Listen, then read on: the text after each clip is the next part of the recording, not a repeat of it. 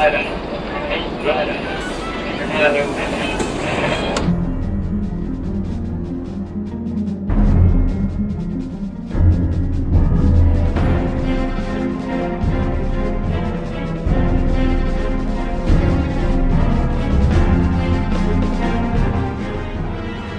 och välkomna till Spelsnack! Och efter en extremt lång paus så är vi tillbaka igen.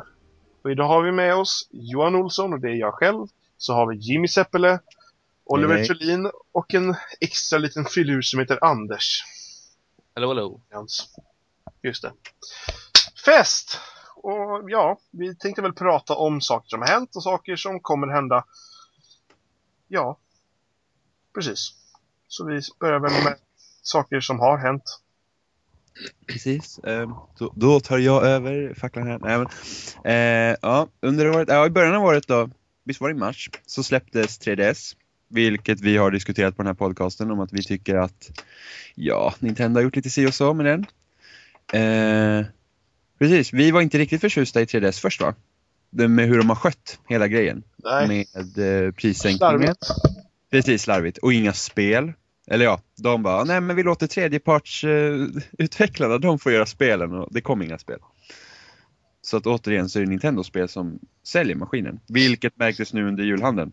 Med tanke på Mario Kart 7, Super Mario 3D Land och Monster Hunter. Det släpptes i bara Japan va? Fast det är ju Eh. Nintendo-spel. Ja precis, det är ett Nintendo-spel. Så att då har den ju sålt som smör istället. Så om vi bara ska diskutera vad, vad, vad, hur känner vi nu inför 3DSen? Nu har vi haft den, ja det blir snart ett år. Börjar komma upp. Jag har haft min 3DS en launch. Jag har bara köpt eh, Super Mario, som jag körde igenom halvvägs tror jag. Ja. Och det tycker jag är väl jättemysigt. Och jag inte, det, det är väl, det är jättebra. Men jag vet inte, 3DS känns fortfarande tråkig fast det finns bra spel nu. Ja, På något sätt så, jag, jag känner liksom aldrig för att plugga i den och ladda den liksom. Utan nej, jag spelar någon gång, lägger den i sleep mode och så tar batteriet slut och sen så tar det någon månad innan jag tar upp den ungefär ja men precis. Jag har ju, alltså jag inte, alltså jag, jag kollade ju på tre, man kan kolla hur mycket man har spelat på maskinen jag hade väl bara spelat en, var det 35 timmar någonting under hela året och då har jag ändå ett, par- jag har ändå 4-5 spel.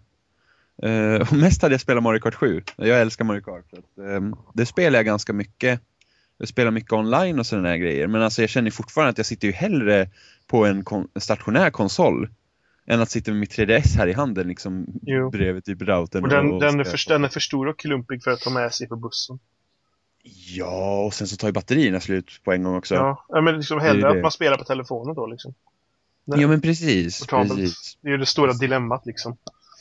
Precis, så att, eh, ja men precis. Alltså, mycket har ju ändrats sen eh, DS och PSP släpptes. Eh, Apple har ju fått in liksom foten och, och, och de här spelmobilerna. Eh, Android också då.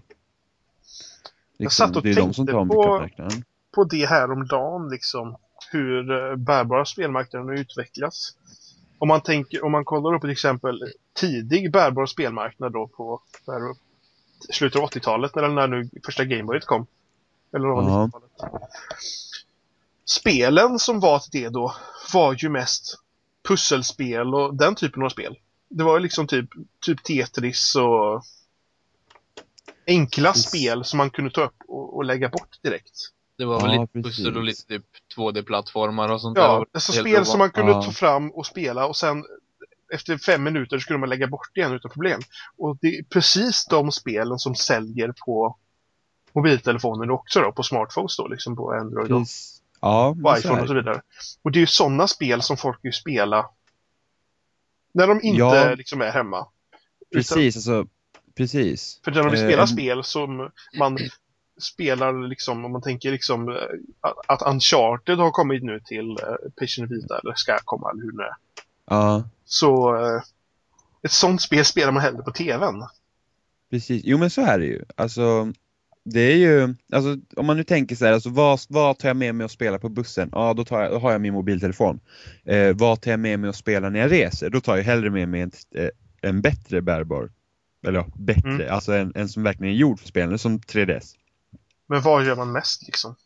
Reser? Ja men precis, men, buss, liksom. men, liksom- precis, precis. Och då blir det liksom, då sitter jag ju mer och, då sitter jag mer och spelar min 3DS hemma liksom. Och där har jag ju ändå eh, tre andra konsoler som jag liksom annars sitter och spelar på. Så att, Och i då- dagens hem så är ju inte det här problemet tv-apparater aktuellt längre. Utan ofta så har ju varenda tonåring en egen tv-apparat liksom. Ja, men alltså det är fan nästan, alltså vi har ju typ, alltså vi har nästan tv i varenda rum liksom. det blir ju så. Ja, men det, det, jag håller med. Det, på sätt och vis känns det ju som att alltså, alla spel blir ju i många, mångt och mycket liksom avancerade, mer och mer avancerade på vissa sätt. Inte, inte allt kanske, men, men just det där med just bärbart att jag känner att vissa spel till just bärbara grejer, anledningen att jag inte köpte 3DSen egentligen för min del som inte har en. Jag, Ja, eh, när jag sitter och spelar, det är ofta när jag åker tåg mellan två punkter eller sånt där. Inte för att, Ja. jag, ja, för att jag åker en del tåg. Och då, är det så jobbigt om man ska ho- hoppa av tåget. Då är det rätt skönt att liksom kunna bara, bara stänga av spelet just för att det är, att det är liksom ett arkadigare spel. Att det är en enklare plattformar eller något, som något pusselspelsaktigt som har hållit en underhållning som under någon timme. Det är en annan sak om man kanske ska sitta på långfärdsbuss i åtta timmar. Då kanske det är jätteskönt att ha ett långt spel. Men det som du sa, det beror ju på hur man reser. precis. Ja, och då var som när jag 3DSen som var bara håller i fyra timmar. Ja, så-. Får man väl hoppas att Åh nej, sitter med urtag i närheten. Vita är inte Ja. bättre. Men Nej. det var ju som när eh, jag skulle ta tåget upp till Norrland. Det var sån här 18 timmars tågresa. Och då köpte jag GTA Chinatown Wars för resan till DSen. Eh, och det slutade med att jag satt och spelade vad heter det, Ninjump till eh, min iPhone i åtta timmar ist- istället. Ja, men det, det, inte, det är någonting med resa och spela enklare spel istället. Jag vet inte. Ja. Man vill ha koll ändå. Och sånt där på något sätt också. Än, eh, Ja men precis. Man känner kanske att ja, men man, vet, man kanske inte riktigt vill sätta sig i något djupare spel när man är ute och reser. Liksom. Alltså, när man nu tycker, alltså där gjorde egentligen, när de släppte Pokémon så gjorde de egentligen ganska perfekt. För det är ändå ett ganska långt äventyr men det är något som du kan göra i väldigt små doser också. ja, Det, bra, det bra med Pokémon är ju att det är ju till skillnad från om man bara drar ett exempel, jag vet inte hur det är med, med nya Zelda, men ofta när man sparar på ett Zelda-spel, då börjar du ju liksom, då kickar de tillbaks det till ingången, till exempel om du är i en dungeon. Och det kan ju vara lite irriterande i vissa fall, medan Pokémon då startar du exakt där du sparade, så det är väldigt lätt att stänga av. Ja men precis, det tror jag också kan vara ett problem. Ehm, sen förstår man också typ New Super Mario Bros. där också, banorna är ganska korta, det går ganska fort liksom. Ja men jag tar en bana liksom. Det är också okej. det kan ju vara Men- bra. men- Det är ju samma med nya vad heter det, Super Ja Mario precis. 3D-land. Precis, precis. Eh, men jag känner ändå en, en iPhone, alltså när jag spelar på min iPhone, liksom, ta bara liksom Fruit Ninja eller något Cannabalt eller något sånt. Så det är liksom bara, äh, men fan, jag, jag hinner inte köra liksom, då stänger jag av. Jag liksom bryr mig inte. Men spelar jag Super Mario eller något så vill jag liksom, ja men fan jag vill klara den här banan liksom. Jag känner att jag inte liksom vill stänga av förrän jag är liksom klar. Eh, Även fast jag föredrar ju spel av den formen, men, men jag vet inte, det känns nästan som de portabla konsolerna nästan liksom har gått mot det här att det, det är liksom de försöker vara lite mer som de stationära konsolerna Jo, än... De har ju alltid försökt att vara det. Problemet är att nu är ju teknologin verkligen så att nu är de ju liksom nästan i kapp. Så att, och nu Ja. känner man kanske att nej, jag är inte säker om jag vill ha det här liksom längre. Det, Nej precis, men där känner jag ändå att Nintendo är bättre än Sony. För jag känner ändå att Nintendo de har de försöker ändå göra de här, du vet, de här lätta, simpla spelen. Liksom. ja, men, men. Sony, de har ju så här, ja men vi gör varianter av våra stora titlar som finns på den stationära konsolen och så gör vi dem på vår bärbara. Och då Och känner man så här, ja, vad, vad skulle jag liksom få välja med att köra Uncharted på min Playstation 3 eller på min, min vita då liksom? Då, då ska jag hellre vilja ha ett Uncharted-spel på min Playstation 3. Ja, men det Så är ju tänk- det. Alltså, Mm. jag, tror, jag tror absolut att Uncharted eh, Golden Abyss kan locka köpare till Vitan. Det är ju det är ju främst det Ja. spelet som gör mig sugen. Men om samma spel hade släppts till PS3 så hade det liksom... Då är det liksom no-brainer egentligen. För att, för, för Uncharted, nu vet inte jag hur just det spelet är format liksom. Ifall det är ett spel som går att plocka upp snabbt och liksom stänga av snabbt och sådär som vi snackar om. Det är tydligen ganska annorlunda från eh, de andra tre spelen på PS3. Eh, Ja. Men ändå liksom. Ja, Men precis, men om vi nu kan ta, om vi nu tar ett exempel God of War, det kom ju två sådana spel till PSP och de har ju du spelat Oliver. Så att, hur var det liksom där om du jämför med de stationära spelen? Jo, men alltså... Jag, jag köpte en begagnad Play, Playstation Portable, PSP. För, Enbart för just de två God of War-spelen, för jag älskar verkligen God of War-spelen. Eh, sen ett halvår senare så fick jag reda på att de skulle släppa de två spelen till PS3 och då ångrade jag mig med en gång. Jag, så, så att alltså, men hade jag vetat det så hade jag skitit i det helt för att det är ändå liksom De är inte lika långa som eh, de tre eh, origi eller, originalspelen, de som finns till de stationära. Ja. Men alltså rent eh, produktionsmässigt så, så är de ju minst lika feta liksom. Ja, eh, men precis. Eh, Alltså det, det känns ju liksom som två fullvärdiga eh, entries i serien liksom. det var ju problemet med PSP, liksom att Ja, de, ja. de, de gjorde verkligen en bärbar Playstation. Det var liksom Precis. ingen skillnad mellan dem. Det är typ som de här eh, GTA Liberty City Stories och Vice City Stories. Det var ju Nej. liksom GTA. Eller det, det var ju Ja, precis som GTA. Okej, för att man, eh, man återanvänder ju gamla städer så, men jag menar alltså de var ändå rätt stora de spelen. ja. eh, Och de släpptes ju också. De släpptes väl till... Playstation 2 också tror jag. Ja, visst gjorde de det? Eh, ja, i efterhand gjorde de det. Ja, precis. Men eh, det är det. Samtidigt ska, inte, ska vi inte sitta här och säga att varken Vita eller Playstation Portable eh, har spel som är bra för, eh, för det bärbara formatet. Det finns ju Patapon och sådana grejer också liksom. De Ja, men då- precis, precis. Men, men det, var nog- inte det som man såg. Men, Nej, alltså de, tog ett, de drog inte åt sig rampljuset direkt. Eh, Nej. När jag tänker liksom PSPs största spel så tänker jag liksom God of War Shades of Mm. Olympus. Jo, det gör man ju. Metal Gear Solid. eh, det är Peace Walker. Peace Walker, ja. Ehm, men alltså de finns ju de där lite enklare, lättillgängliga spelen. Bara att man tänker inte på det på samma sätt. Men jag tror också det är liksom lite hur de marknadsför sina spel också. De lägger ju säkert mer tyngd på de spelen också. Till skillnad från Nintendo där man liksom ändå kan se att de, de kanske kör, ja men det här har vi något lättsamt liksom. Och så, och så marknadsför de det liksom. För att de har ju sådana spelserier. Men jag tycker ändå Sony liksom, de liksom ändå tar fram det liksom. Ja men vi har Uncharted och, och de ska vi göra ett Killzone också till vita om jag inte är helt ute och cyklar. Snacka som det... Ja Alltså, och det- Resistance det är jag- finns väl det också. största- Resistance, eh, ja precis.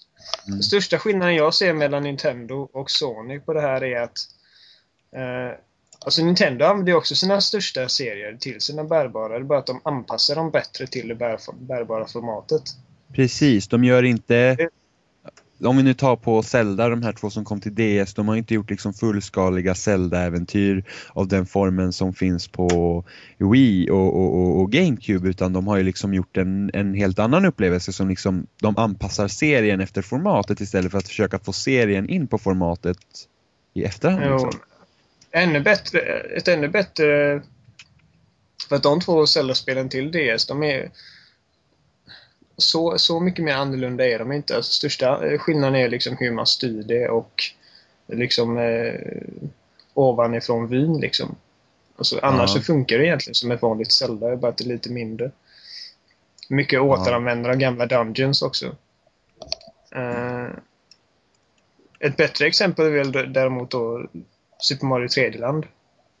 Som de hade ju kunnat göra liksom ett enormt jävla Mario-spel av det men alla de här banorna är ju rätt korta. Det går att göra på 2, 3, 4, 5 minuter. Ja men precis. Och samma som de gjorde med New Super Mario Bros också. Mm. Så menar, det går inte riktigt att göra det med ett Uncharted-spel på samma sätt. Nej. För Precis. att eh, de är byggda på ett helt annat sätt. E- Enda sättet att lösa en sån grej vore väl att ha en jävla massa checkpoints överallt och det, det, det är ju inte samma sak ändå men Jo, alltså det, det är jag övertygad om att det finns. Alltså jag, jag tror inte för en sekund att det liksom skulle vara på något annat sätt. Men det är möjligt att, att de kanske liksom, det, det är ju inte omöjligt att beta in ett sånt spel så, så det blir lite banaktigt om man nu tänker det på ett sånt sätt. Det, det beror ju på hur de tänker, det vet ju inte jag. Som sagt, vi ska, inte- vi ska inte liksom ropa hej innan vi har kommit över bäcken, för vi har inte Nej. spelat det här spelet. Eh, det, det jag kan tänka mig att de behöver ha gjort med det här spelet är att de liksom delar upp spelet i liksom tydliga faser. Liksom. Um, De andra, de andra charterspelen är egentligen byggda, så det är en enda lång jävla eh, berg och dalbana från början till slut mer eller mindre. Eh, Precis. Så det räcker liksom inte bara en enkel checkpoint. Liksom. Här har du, det kommer nya fiender liksom, utan de får liksom ta pauser så här emellan för att markera liksom. Här är det bara att pausa liksom. Precis. Eh, och apropå vita då, eh, så släpptes det konsolen i Japan 17 december. Och den sålde 250 000 exemplar första veckan tror jag. Eh, och sen har försäljningen stagnerat. Har sålt totalt 400 000 exemplar i Japan. Eh, fram till 1 januari tror jag det var. Och jag tror senaste veckan sålde den bara 40 000 exemplar vilket gör att den säljer sämre än eh, PSP då. Eh, och sämre än vad 3DS gjorde under sin första månad. Eh, och den har alltså bara släppt i Japan. Man, man jämför med Japan-releasen. Och då är det så här, kommer PSP Vi- PS Vitan att bli av ett fiasko som PSP blev? Blev PSP ett fiasko? Ja, inte i Japan, men i övriga världen. Eh, eh, Och så det- den-. Den blev väl inte ett fiasko fiasko, men den blev lite... Alltså den sålde maskiner men sen sålde den inga riktigt spel till den. Ehm, I Japan, så är i, i Japan så, så säljer ju, alltså där säljer de bärbara maskiner skitbra. Men jag tror både i Europa och Nordamerika så har de inte sålt jätte... Den har ju sålt okej har den ju sålt. Inte, inte dåligt men liksom den har inte... Den har ändå haft ganska, den har, de har ändå ganska svårt att få den liksom, de har haft många bundles här och, och rea ut den och, och, och sen släppte de ju PSP Go som var typ, åh, Men Ja. om man tänker upp just med japanska marknaden, då kan man ju tänka, och du sa det att där säljer de ju liksom rätt bra då jämfört med här. Och det kan ju vara det också att i Japan så har de inte samma telefonkultur som vi har här. I Japan så har de fortfarande telefoner med tangentbord och så vidare. Liksom. Eh, De, de, de har inte riktigt satsat på det här med touch, touchtelefoner än. Och de största märkena i Japan är märken som vi aldrig hört talas om här i Europa. Ja, nej precis. Så- de har ju alltid, alltså om man tittar på japanska filmer så är de alltid så här konstiga mobiler. Mm. Och så är det fortfarande. Och så att spel på mobilen är inte så, så speciellt, skulle jag tro där då. Utan det är mer att man har då ett DS då, eller ett PSP och så vidare. Så det, så det blir svårt att jämföra riktigt. Ja. Eh, Men nu är det så att Vita har inte sålt särskilt bra heller. Eh, Den sålde bra först och sen så liksom planar ut. Det är inte... Den är inte sålt liksom jätte, jätte dåligt men den har ju inte sålt bra heller. Alltså man måste ju ändå kalla det... Alltså de flesta säger att det, det, det är en ganska dålig lansering. Inte katastrofal men den är liksom dålig. Men alltså jag skulle ju kunna tro att även ifall det är en ny grej som kommer nu, både med 3DS och med, med Vita liksom, så skulle jag tro att marknaden är rätt mättad. Alltså, många har liksom sitt DS och har sina favoritpusselspel eller någonting på dem liksom då. Och sådana grejer. Och, och det kanske de tycker räcker liksom. Alltså, Ja. även om det är något man- nytt så känner man sig mättad. Och om, om man tänker så också, just att jag kan tänka mig att det är ganska många mindre ungar och sånt där som har, har DSar. Eftersom att det, det finns ju spel som är lätt att förstå sig på hela vändan. Och då tror jag inte att samma föräldrar har lust att som köpa en 3DS eftersom för en som inte vet vad det är överhuvudtaget, det ser ju exakt likadant ut fast med en spak till ungefär. Nej, precis. Så jag... jag det kan, Och, och det är nog ett problem i Sverige också. Ja. Jo, Jo, jo, men, jo, men det är det. Föräldrarna ser liksom en billigare DS Lite liksom och då tar man ju den. Det är, Precis. Ja, men, eh, 3, 3DSens problem är att den är så lik DSen som det Ja. är. För det första så är det liksom, den heter ju DS, 3DS. Ja, det är ju det är ju fortfarande massan, den breda massan liksom, har ingen aning om att det är en egen maskin. Liksom. Eh, Jag skulle kunna tro att det varit ännu, alltså, alltså bara att sätta sätta en trea efter, fast det hade ju varit med en tvåa efter i så fall, att det varit DS nummer två eller DS3 eller vad du ska säga. Så hade till och med Eller även slop- då så hade varit enklare. Jo, men eh, eller slopa just det här DS liksom överhuvudtaget. Kallar den Ja, Game faktiskt. Boy. Ja, Fast- nej, fast det men, är- Game Boy Nej. 3D! Ja, fast i och för sig så kan man också säga så här, alltså, ändå om man kollar på iPhone-kulturen, alltså här köper vi liksom, åh en iPhone liksom, där byter de ju bara siffror bakom och vi köper fortfarande för att man känner igen märket. Skulle, skulle de byta namn på iPhone så kanske ändå ska säga, ja vad är det där liksom? Ja, men Så jag alltså, kan jag ju tror tänka- att eh, iPhonen, iPhonen den går ju ut till en helt annan publik än vad 3DS gör. Precis, men det jag tror det är de, jag tror man känner sig, iPhone är ju sån här, vad ska man säga, det, det är verkligen liksom en märkesprodukt. Det är en liksom jo jo, precis, en men kan, då kan man se hur, hur bra DSen sålde, alltså varenda uppgradering av DS har ju sålt otroligt bra. Och så kommer 3DSen som egentligen kan ses som en, ja det är en ny maskin men det är också liksom som en, en större uppgradering. Och sen skulle den, så hade de säkert förväntat sig att den skulle sälja bra. Men jag tror det dyra priser fick de att liksom säga nej. För att eh, de, alla nya uppgraderingar på eh, DSen, de var inte så dyra va? Det var väl bara några hundralapp över den vanliga liksom. Som tidigare. Ja, förutom, förutom Excel då. Ja precis, Excel var ju dyrare. Men sen så kommer 3DSen och den är liksom typ dubbelt så dyr som en DS Lite liksom. Så att då blir det en problem där. Um, Man kan ju... Man kan ju se 3DSen till DSen som man ser en Wii till en eh, GameCube. Alltså, ja, du säger att det är en uppgradering fast det är ju ändå en ny maskin liksom. Precis. Den skiljer sig inte så jävla mycket men alltså det är ändå en ny maskin. Du kan inte spela det, eh, 3DS-spelen på en gammal DS. Nej, precis. Eh, Så jag menar, det...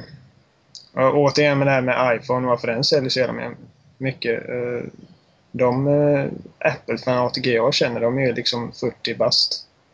Och de har ju koll liksom. Ja men precis, men sen kollar man ju också liksom ungarna som liksom önskar sig julklapp. Det var ju liksom iPad och iPhones liksom ligger högt upp på listorna. Ja, det är ju för att de syns Mm. så mycket. Precis. Det, Men eh, 3DS-försäljningen har ju ökat i alla fall. Och det är just för att de, de så att den, den ligger, de ligger bra till. För nu börjar spelen komma till dem. Eh, Det var ju väldigt tomt där först. Jo, men alltså 3DS-försäljningen har ökat för att det är som du säger spelen, men sen så har ju de, de har ju fan sänkt priset med en tredjedel. Precis, de sänkte med, Ja, priset. med, med tusen spänn nästan för Ja. exakt. Ja. Men Vitan kommer också att kicka igång lite mer när det kommer fler grejer och när den inte kostar så mycket.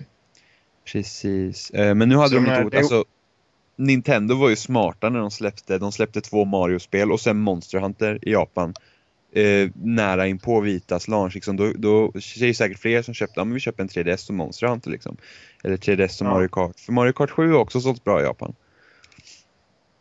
Så att det är liksom, Ja. det känns som att Vita skulle också behöva ett Monster Hunter för det är därför PSP har sålt så himla bra i, i, Japan. Det är ju en stor förtjänst på grund av Monster Hunter-spelen som fanns till maskinen. Ja. ja men det... Man fick in en treenigheten där liksom. Mm. Om det, Sen om det är tror- någonting japaner inte tröttnar på så är det Mario och Monster Hunter. Och Pokémon. Ja. Eh, Men sen får man också se när. Vitan släpps i, i Nordamerika för där känner ändå de spelen som, har ut, som Uncharted till exempel och, och, och de, det, det tilltalar mer en amerikansk publik än vad det gjorde med japanerna. Även fast Uncharted har lyckats bra i Japan så är det inte alls lika stort som det är här i väst. Nej, det är det inte. Alls. Nej, precis. Så får man ju se det. Och sen får väl de också sänka priset på Vitan efter ett tag också. Ja. Eh, Men det förmodligen. lär de göra. Mm. Det blir väl kanske lite svårare för dem eftersom deras enhet är ju, har ju lite mer hårdvara än vad, än vad 3DSen har. Det är- Så det kommer nog svida extra mycket för dem om de skulle behöva göra det väldigt fort. Då. Ja, men jag, ty jag tycker ändå att vitan kostar bra mycket mindre än vad jag trodde den skulle göra. Alltså. Ja, alltså eh, om man tänker då på pris per hårdvara, liksom per hårdvara liksom, eller kraft om man ska säga, så eh, vitan är, ju- är inte alls dyr. Den kostar liksom 2500 spänn liksom. Vad kostade 3DS när den släpptes? 2500. Ja. Och jämför man de två liksom, alltså det är ju natt och dag när det gäller hårdvara. Mm. Ja, Sen finns det ju lite missar med vita också när det gäller hårdvara, som att när man ska byta spel så måste man öppna en plastlucka. Som är typ som en, en sån här, som luckan på typ 3DS när man byter SD-kort. Det är, en, det är typ en sån lucka på, tre, på, på vitan då när man ska byta spel. Ja, ja. Och sen var det någon tjafs det här med minneskort också. Man, man, man, sånt be- jag tror inte man fick något med maskinen heller. Jag tror det behövde köpas det separat. Och sen måste du köpa ett spel. Man då blir får- det en, Man får något, får man? man får, får man det, någonting? det är väl det är väl eh, sparutrymme på enheten som är Ja, men det, det är inte mycket. Och, och alla spel stöder inte att man kan spara där. Och vissa Nej, spel precis. måste man ha minneskort så man kan typ installera dem. Eller, eller kanske man inte behöver förresten. Ja, men jag vet i alla fall att på något sätt ska man helst ha minneskort. Och då, då blir det en extra kostnad för de var inte billiga de där minneskorten heller tror jag. Eh, Nej, de, alltså priserna var väl sådär. Det var Ja. både vissa, vissa av modellerna var dyrare och vissa var, var, var billigare. Eller ungefär, eller ungefär samma som andra kort man jämför med typ med deras nuvarande där uh, Memory Stick Pro Duo eller vad den heter. Som de har på PSP. Ja. Precis. Och 32-gigskortet kommer inte ens till Europa vid release.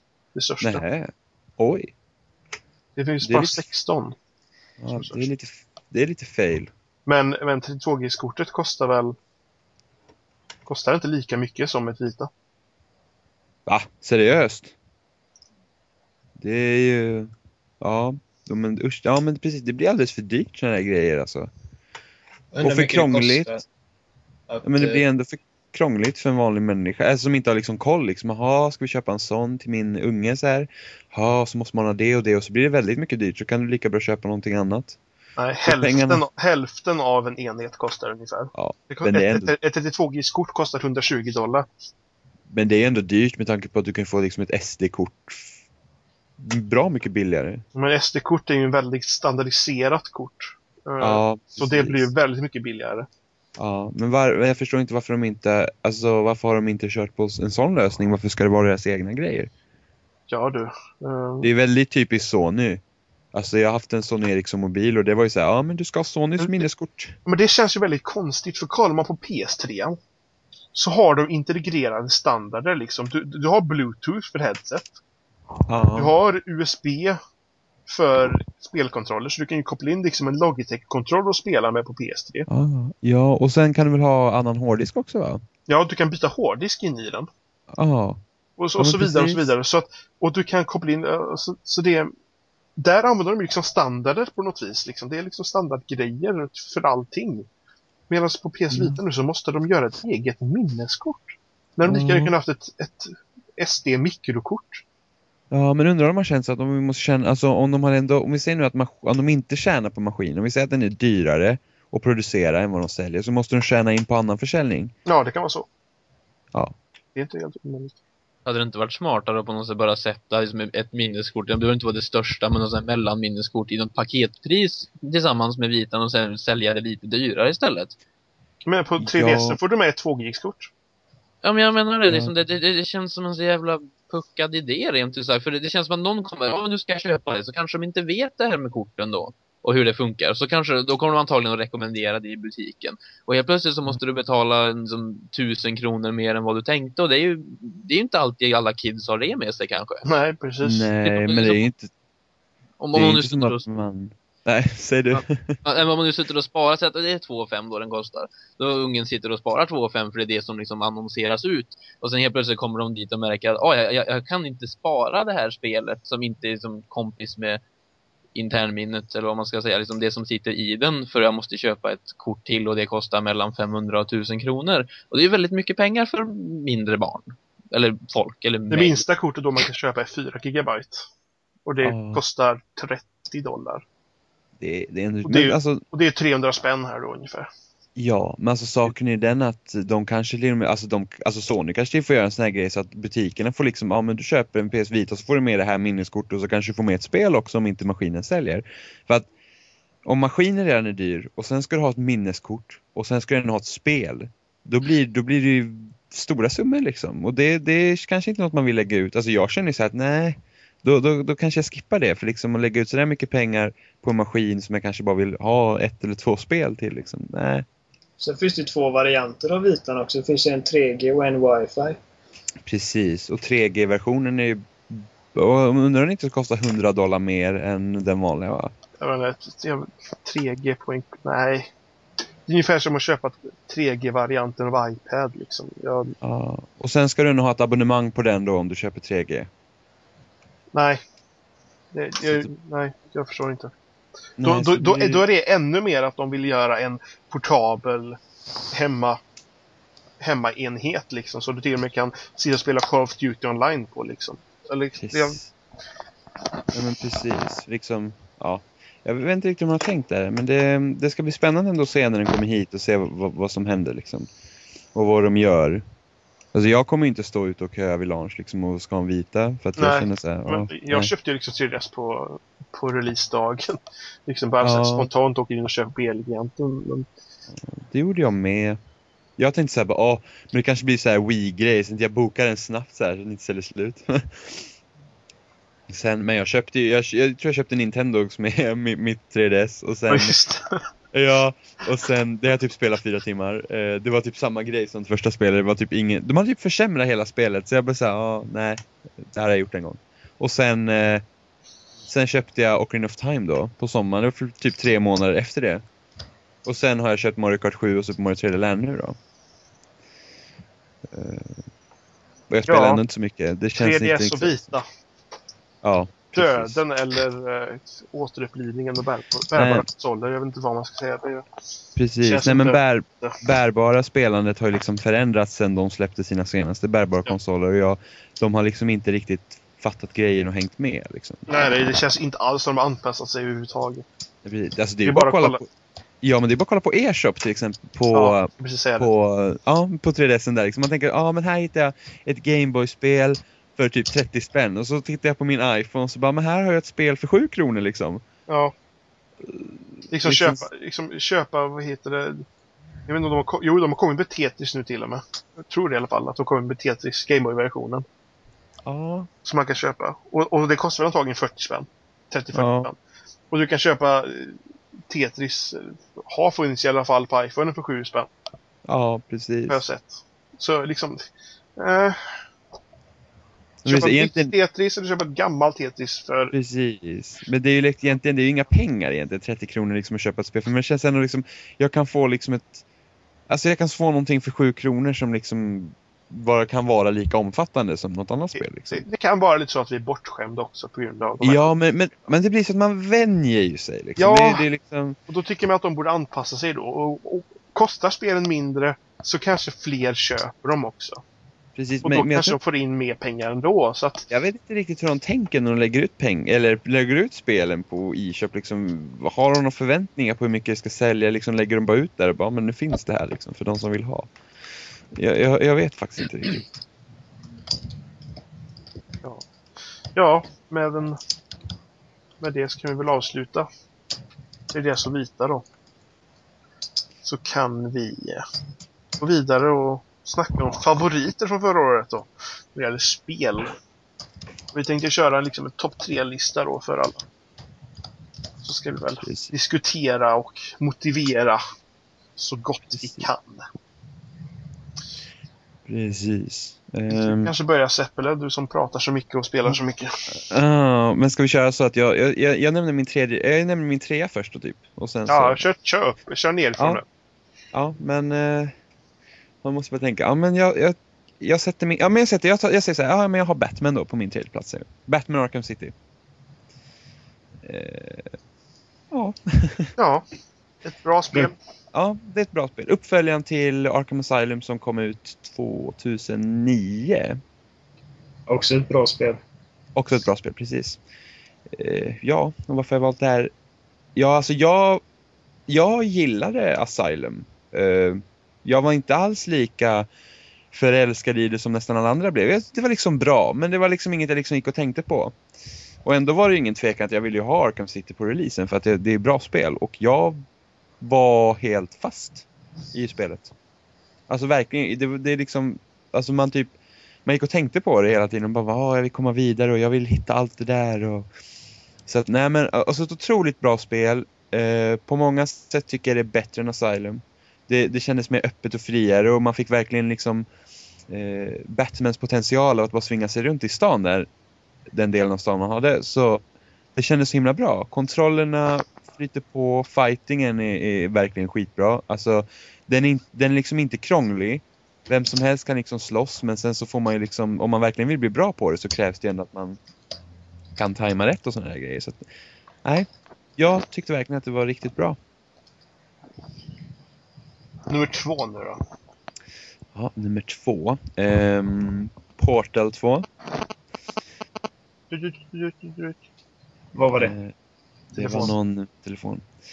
Eh, ja, precis. Portal, Portal 2 hade jag på min andra plats. Eh, låg, har legat etta hos mig väldigt länge. Känner liksom inte att det är riktigt något som har kunnat komma upp i den kalibern.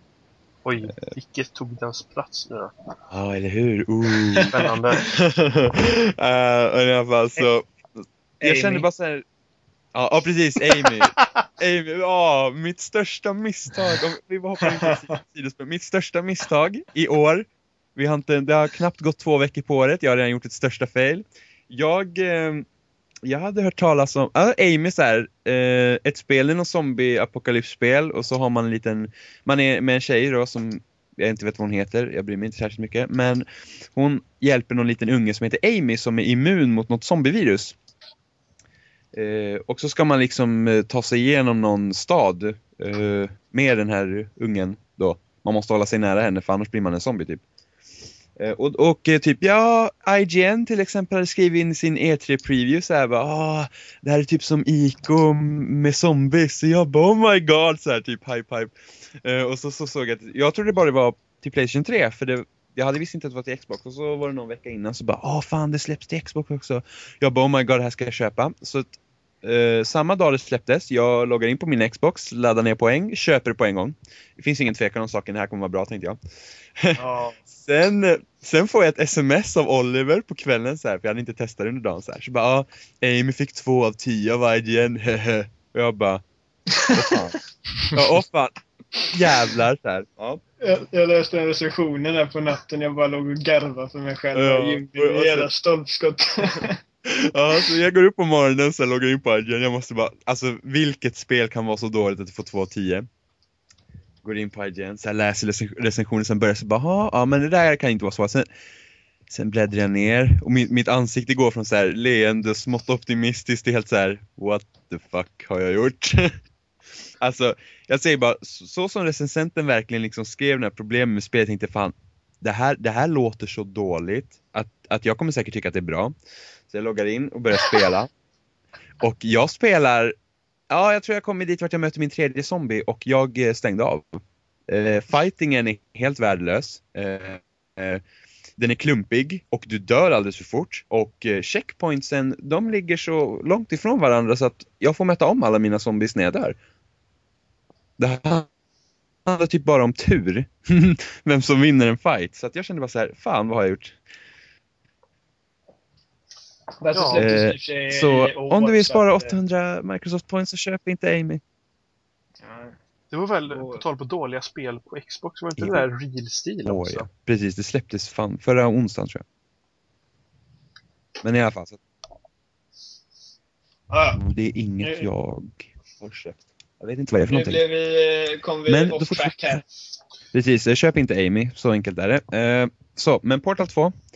Eh, jag älskade första Portal, alltså jag tyckte det var så bra. Alltså jag, jag kommer ihåg, det var ett av de första spelen jag spelade på min 360. Eh, och när man har eh, bara spelat Nintendo-spel så, så vet man inte riktigt vart, vad man ska vänta när man köper en ny konsol som är något annat. Så jag spelade Portal 2 och jag satt verkligen i slutet och var helt så här: vad fan har jag spelat? Det, det var liksom det, det var liksom, det var så bra bara. Och så tänkte jag, ja men liksom Portal 2 kan inte annat än bli bra. Och det var bättre än vad jag hade väntat mig. Alltså bara, bara pusselmekaniken är liksom fantastisk. Alltså, det, det, alltså spelet var inte så här jättesvårt, även fast jag fastnade ibland så här. Då känner man sig jävligt smart när man kom vidare, men det var inte jättesvårt. Och det var liksom, storyn var, var bra, det är roligt skrivet och det, det är liksom, äh, det var helt fantastiskt. Och sen var det co-op-delen. Den är skitrolig. Alltså det, nej, det är verkligen rik, riktigt bra spel. De träffade rätt på alla punkter där alltså.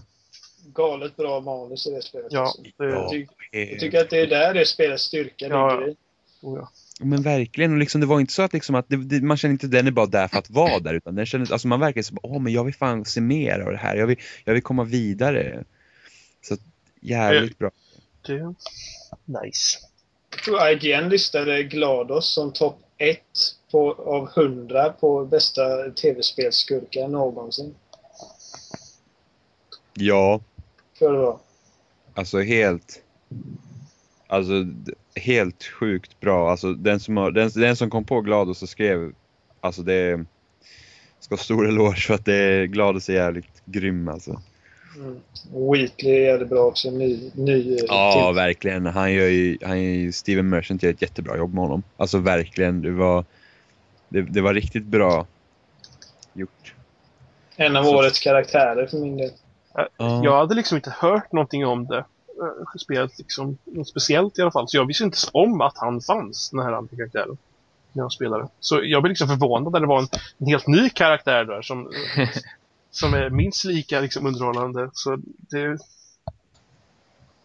det blir väldigt, eller det, det kryddar liksom lite extra. Mm. Ja, men det blir en helt annan grej. Liksom man tänkte, det blir liksom inte bara det här samma. Ja, men vi gör ettan och så gör vi, vi gör om ettan och så gör vi ett större spel bara. Utan det blir verkligen nytt. Och just det att de liksom inte bara tog portalen utan de hade de här eh, flytande vätskorna också. Ja, det var ju, ja det var det och så var det de här, vad ska man säga, de här rören av ljus som man åkte i och det var de här ljusbroarna. Ja men precis, Så, det så, var och liksom sen, så sen efter ett tag slängde de liksom ihop alltihop i en stor mix och ja, Ja. det, det, var, det var väldigt bra. Alltså, de, de var ju verkligen alltså, genialisk bandesign i det spelet. Verkligen. Det, alltså, man hinner ju liksom inte tröttna på ett moment innan det tar slut. Och Nej, eh, precis. de ger en verkligen precis tillräckligt mycket tid för, för, för en liksom att komma underfund med de nya elementen som slänger in hela, hela tiden. Ja, precis. Alltså, det är bara att spela igenom extra materialet och hur verkligen viktigt de har liksom vägt av varje grej. Ja. Eh, för att verkligen liksom, eh, se, liksom testa och verkligen känna att ja, men det här är bra, nu förstår spelaren. Och vissa, vissa pussel har de fått göra lite enklare för att vissa förstod inte vissa saker och såna grejer.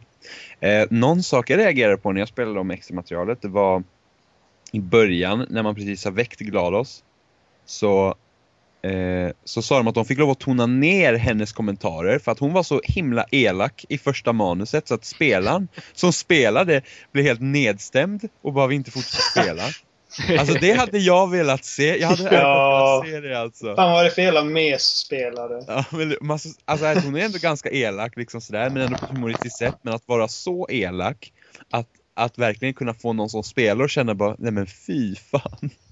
Ja, det En, en av mina favoritrepliker är när hon säger att testresultaten från förra testchamber kommer in hon bara Det står att du är en hemsk människa.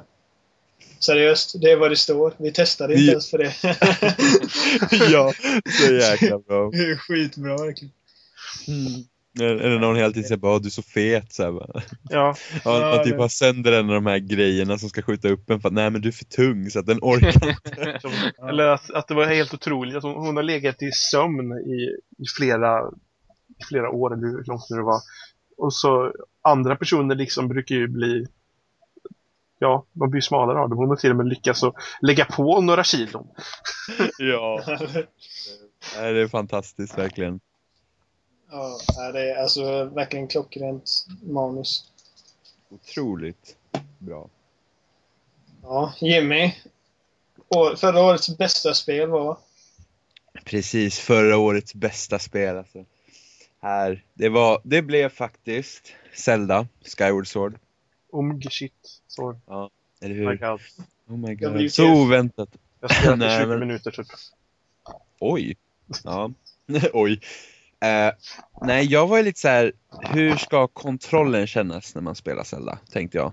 Liksom nu, nu är det ännu mer precis med den här Wiimoten och, och liksom jag gillar ändå det när det är så här långa äventyr att man liksom bara kan mysa ner liksom och, och, och gotta sig men nu behöver det fakt- man behöver faktiskt liksom sitta rakt upp och se till att man har kontrollen rätt och, och man måste eh, vara precis och allting där. Men Eh, ja, och jag hade problem med kontrollen i början. Jag tänkte fy fan, mitt Zelda är förstört av såna här jävla äckliga kontroller och måste stå där och vifta och fan. Men sen när man liksom hade eh, vant sig vid den liksom och verkligen kände liksom att ja, den är inte perfekt, men den är ändå bra. Alltså striderna är ju, alltså jag har aldrig tyckt om att strida i Zelda, jag tycker det är ganska tråkigt, förutom bossfighterna då. Men eh, det är faktiskt ganska kul här liksom. Man, man liksom lägger in en perfekt slash från ena hållet och sådär. Men eh, kontrollen har ju fortfarande problem. Uh, just för att den liksom, den, först känner den liksom av vart kontrollen är, vilket håll du har den. Vilket den inte alltid lyckas med. Uh, och sen uh, har den fortfarande här, um, man måste ju fortfarande liksom flicka kontrollen. Liksom så att den skakar på den så att den liksom känner av slaget. Så den känner inte av slaget med dig utan du är fortfarande det här skakmomentet. Och där blir det problem. Men annars tycker jag att Nintendo eh, de kunde fortfarande, de förnyade lite serien, inte, inte liksom något så här eh, stort, utan man, det är liksom, de har fixat tempot, alltså det är bra mycket bättre tempo, det är liksom lite mer storygivet. eh, inte mycket, men liksom just det att karaktärerna känns liksom relationen mellan Link och Zelda är liksom helt annorlunda i det här spelet och liksom första gången så liksom känner jag något för båda två på ett annat sätt än vad jag gjort tidigare. Det, det, är mer, det är snäppet mer cinematiskt den här gången. Precis, precis det är det. Så att, Det, har- det har alltid varit mycket liksom, fokus på story, men alltså det, det är mer, eh, det är mer eh, tydligt i det här spelet. Precis. Eh, Aurelia. Eh, och det var liksom bara, alltså jag satt, alltså jag satt där och liksom spelade från början till slut liksom och bara liksom kände fy fan vad bra det är. Varje tempel kändes liksom bra. Eh, alltså borta från det här från Ocarina of Time liksom, du vet man sprang runt i ett tempel och man visste inte vilket rum ska jag till nu och, och det var massa så kändes liksom, då hade de mer gjort så att varje rum var som ett pussel. Du behövde inte gå så mycket tillbaks i templerna. Utan det blev liksom mer som att ja, men varje rum du går in i så är det ett nytt pussel och klarar du det så liksom går du vidare. Kändes riktigt bra. Det jag dock inte gillar är att de återanvänder områdena lite väl ofta. Eh, Tredje... Ja, alltså utan att avslöja någonting så tredje gången man kommer till samma ställe blir det lite så... Eh, lite så träligt. Precis, då känner jag bara så nej alltså, fan. Det, det, det, det, det är lite trist, men ett av de bästa Zeldan tycker jag att det är. Det är riktigt bra. Alltså, jag, jag har ju... Ända sedan vi såg första trailern på E3, vad var det för, för förra året? 2010 va? Ja, det är det, ja. Ja. Eh, Så har jag verkligen uttryckt enorm skepsis inför det här spelet. Dels för att jag, jag är inte alls så förtjust i eh, motion controls. Och bara det här liksom med exakta rörelser och grejer. Jag kände att jag kommer inte orka sitta och vifta så liksom. Och så tyckte jag inte alls att designen var särskilt eh, tilltalande överhuvudtaget. Så jag, jag, jag var inte alls sugen på det här spelet till en början. Utan jag började känna liksom, det var, det var, det var ju liksom ingen tvekan om att jag skulle ha det för att Zelda som serie är en av de serierna som betyder mest för mig eh, överhuvudtaget av alla spelserier. Så jag skulle ju ha det, men jag var inte särskilt sugen på det. Men jag, liksom, jag kom på det när jag, när jag väl satt där och spelade. Liksom, dels att det här är förmodligen eh, det sista spelet jag spelar till Wii. Eh, det sista spelet jag köper till Wii åtminstone. Och så kom man på sig själv med att herrejävlar. Jag sitter och spelar ett nytt Zelda liksom. Det var liksom fem år sedan senast. Eh, och Skyward Sword är ett sånt spel liksom att man, man inser liksom inte riktigt vilket äventyr det är man har framför sig när man spelar i början. För det är jättelättsamt och grejer. Det är lite som, som man känner med Wind Waker. Ja. Eh, och det verkligen växer på en från början till slut. Och även om, eh, om det är som Jimmy säger att kontrollen har sina små problem, liksom man kan bli osynkad ibland och grejer. Så är det ju ungefär det här vi har liksom tänkt oss när vi såg Wii när den hette Revolution. Det var liksom så här vi tänkte oss att man skulle slåss med svärd och grejer. Så för mig är det här det definitiva Wii-spelet. Inte nödvändigtvis det definitiva Zelda-spelet, det vet jag inte. Men det definitiva Wii-spelet. Ett perfekt liksom, slut för konsolen. Slutet. Ja, ja. Mm. Så jag, jag håller med. Jag tror att uh, Skyward Sword är uh, en av mina favoriter i år också. Ja, ja, det var din topp 3 det. det var min det. Ja. Ja, ska kanske jag ta min då kanske. Mm. Det låter bra. Ja, ja, för mig blir det väl kanske inte liksom å, årets bästa spel, utan det blir väl mina favoriter snarare eftersom jag inte spelar lika mycket som de där två. Eller, jag, jag spelar inte alls lika mycket som någon av er tre överhuvudtaget. Så, men ja, de här, de här känner jag i alla fall att jag spelar tillräckligt för att kunna säga vad jag tycker i alla fall. Så nummer tre blir BF3 faktiskt. Det, även om jag kanske även- även om det kanske inte blev så jättefestligt som jag tyckte så är det fortfarande jävligt bra tycker jag. Och ja, jag spenderade ändå 60 timmar bara liksom de första två, tre veckorna någonting när det kom. Så det... Ja, det inte så mycket att säga egentligen. Det är Mm. fint. Och det händer mycket och det... Ja, Ja, Det- det alltså.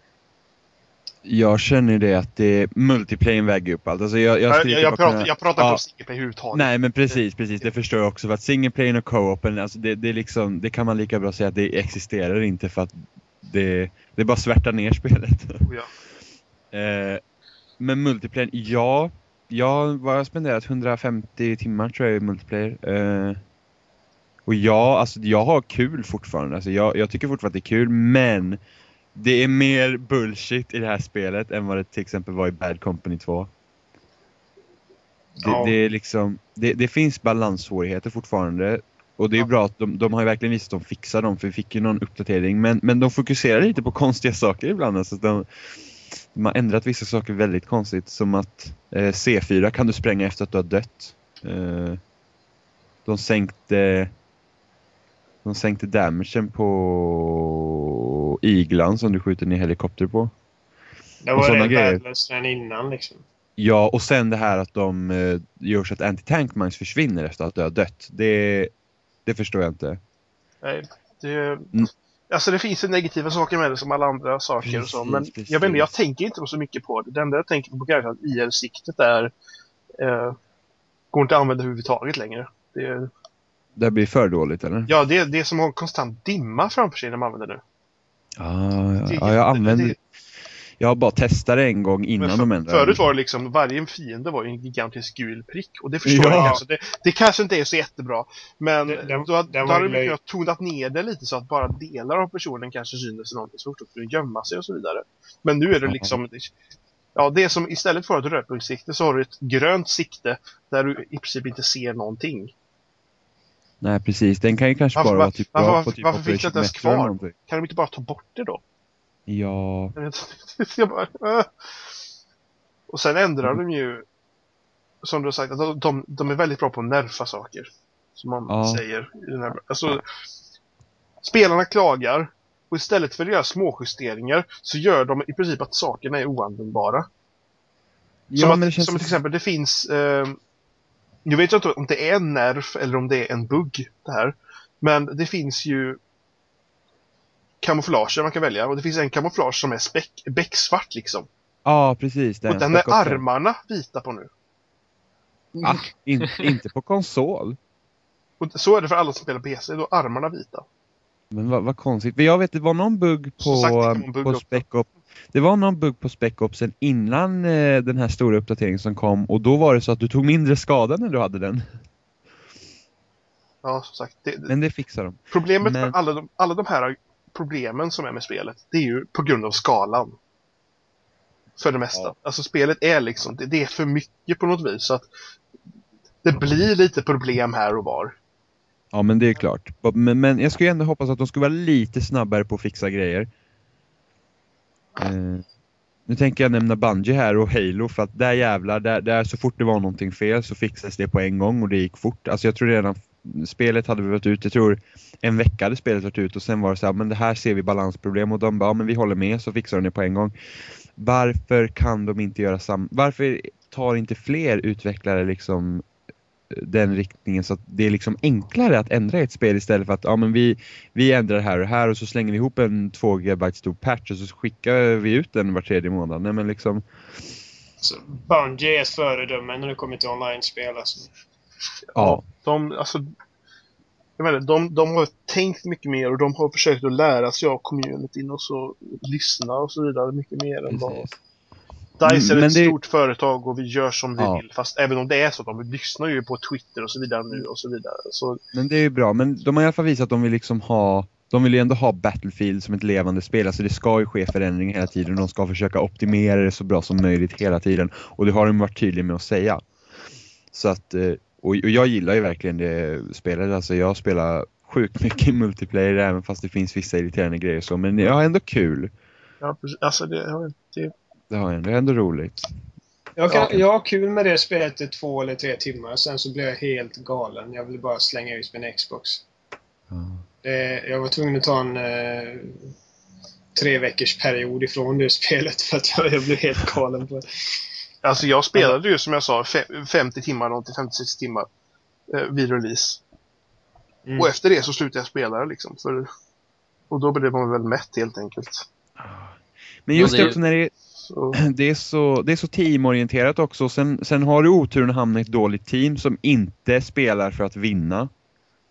Eh, alltså det finns ju många som när du har typ halva laget sitter snipers och längst bak och du märker att du förlorar och ingen gör någonting. Det är jätteirriterande. Alltså det, bara sådana grejer gör så att det, det är så större irritationsmoment i det här på vissa grejer. Just för att du måste samarbeta. Alltså du måste Mm. ha te- teammedlemmar som samarbetar. Du, för du kan inte göra någonting själv. Det går liksom inte. Det gick ju i Bad Company 2. Var man Ja. en squad som var bra, då kunde man ju äga, eh, liksom, då kunde man ju vinna. Det funkar det inte var ju på det att det var mindre, det var lite mer kompakt och lite så enkelt. Precis. Och man dog inte lika lätt. Man tålde lite mer skada där. Och, och, och att man tålde mer, alltså det var ju en dålig sak med Bad Company 2. Eh, enligt de flesta. Nej, Tålde mycket. tycker jag inte. Jo, alltså en, enligt de kommentarerna som jag har hört så, så är att man tål mycket i BF är dåligt. Och det har de ju då ändrat då i BF till att man tål lite mindre då. Jag, Men jag tycker BF att Bad Company plats, 2 liksom inte. Alltså, Jag tycker att Bad Company 2 är ett bättre spel än vad Battlefield 3 är. Eh, jag kan tycka att Bad Company 2 är mer balanserat. Eh, Alltså Jag- ta bara den här, om vi tar ja, om vi tar Karkanbanan här, Gulf of Oman, eh, på konsolversionen i Rush så börjar du så nära eh, Defenders som du är attackers så att de kan skjuta sina tanks direkt där in vart du spanar så du kan vara helt spanträffad. Du kan spana och dö konstant på den banan. För att man ja, alltså, ändå det, det är helt öppet också. Ja, finns ingen skydd så man kommer inte iväg någonstans. Du kan, du bara, men nu tar vi tanken och åker iväg men du kommer inte ens fram för att de har två tanks som skjuter ner dig redan. Så att, Vet, vet, du hur många, vet du hur många flaggor det är på den banan på PC? nej. Sju. Och jäklar. Ja, det är sex eh, eller sju. Det är sex eller sju stycken. det är, jag tror det är Och kartan är stor. Ja, jag Så tror det är fyra eller fem i Conquest på... Det är jädra transportsträckor alltså. Ja, jo, men, den, men i Rush så har de ju kortat ner ändå. Och speciellt för konsol som har bara 24 spelare så har de kortat ner den ännu mera liksom. Så att det, det är ganska kompakt. Karkenbanorna funkar inte riktigt lika bra i Rush. Men För att Rush de på är PC och det. konsol är väl samma, om jag inte minns fel. Det är samma Ja, antal spelare. Okej. Ja, men det, det är vidrigt. Den banan är Nej, hemsk. Rush på PC, Rush på PC är 32 och det är alltid 24, vad är det, 24 är det? Det är så? 24. Okej. Ja, 24 Ja, är det då så. Nej, jag... Jimmy, vi får spela mer Conquest. Det är bara du som Ja, fast spelar Rush. tiden. Fast det, det är så segt på konsol. För att det är, 20 då är man alldeles för lite personer istället. Fast att det är inte så jävla high-pacat på PC heller. Nej, just, nej, just, nej. Con- just Conquest. Det, är ju så- liksom, det, det var det jag lite grann gillade. När man spelade, att när han spelar fler matcher än Bad Company 2. Att det är lite mindre, det händer lite mer. Och just att det jobbiga, det som får mig att tröttna på BFD efter ett tag. Jag tycker också att det är ett bra spel, det säger jag inte. Men det är att när du dör, vilket ofta beror på någon som du inte ens hann se för att de Ja, det är ofta en osynlig sniper någonstans borta i helvete. Och då spanar du igen om du då inte har en squad på plats. Och så tar det jättelång tid innan du kommer tillbaks dit igen. Och ännu värre de här gångerna när man har otur och inte hittar ett fordon Man måste gå hela vägen. För det, händer ganska, det händer ganska frekvent vad folk än säger, det gör det. Och det är inte kul på den, vad fan är det, vad heter banan? Är det Operation Firestorm eller vilken är det man börjar så långt bort i? Ja, är- Operation nog Firestorm börjar man Firestorm. väldigt långt bort ifrån. Ja, väldigt långt bort. Och, och det är jätte, jättejobbigt verkligen om, om de nu börjar ta tillbaks baserna och om man inte eventuellt har en squad precis på plats. För Det är väl okej om det finns tanks eller bilar där, men om det är slut på fordon. Ja, och så, spe- speciellt en person som mig då som absolut inte kan köra helikopter för då har jag ihjäl alla andra istället. Som, som jag inte ska ha ihjäl liksom. Och, och då, så, Mm, ja, jag, jag- låter bli att flyga dem. ja. Men, eh, men eh, som sagt, jag, jag tycker det finns många positiva aspekter och många det som, ö, överlag är det liksom kul att spela när man har lust, men jag tröttnar ganska fort. Det är det som är grejen. Precis. Nej, Men det, det, det, som... men det, det är kul liksom om man, om man sitter typ fy, fyra över Skype och sitter i en squad, då kan man ha kul ett bra, en bra stund, tycker jag. Ja. Det som är problemet med Conquest på konsol. Jag, jag tror nästan att det hade varit bättre om man var 32 för att om man tar eh, på Caspian Border, då har du fyra flaggor och jag kan gå en hel match, jag bara köra bil och jag ser inte en jävel. För att man åker bara till flagga till flagga. Ja, för de har ju inte minskat storleken på banan utan de har ju minskat antal flaggor va? Ja, precis. Faktiskt. Så det... Flaggorna är ganska nära varandra, men där lyckas de ju bättre på Karkan-banorna. Där kan de ha fler flaggor och de, de, då är flaggorna närmare varandra. Så då har du liksom ganska stort. Ja, jag kan väl ta nummer två då. då. Som är Skyrim. Yay. Skjuta pilbåge eller ta med svärdet och skära av huvudet på folk. Och det, har, det är kul. Fast jag har väl inte spelat jättemycket. Jag har bara spelat i 15-20 timmar eller någonting. Så det är jättelite egentligen. Men eh, ja, det är trevligt. Ja. Ja, Det, alltså, jag känner väl kanske det att jag, jag, jag, jag är inte lika engagerad i det. Och jag känner, jag vet inte varför, men jag känner inte att de, jag känner inte att spelet spottar så mycket quests på mig. Som det gjorde i Oblivion.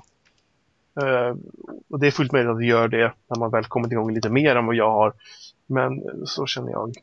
Så att jag, jag vet inte, jag har väldigt svårt för att kasta mig in det igen på något vis. För att jag känner ja, mig jag inte tror, engagerad i det. jag tror du har lite samma problem som jag hade med Fallout 3 gentemot Fallout New Vegas. Eh, jag spelar ju Fallout 3, alltså jag gjorde typ allt i det spelet och sen när jag fick Fallout New Vegas kände jag bara, nej men det här har jag gjort, det är inte lika kul. Och sen så eh, spelade jag aldrig ut det.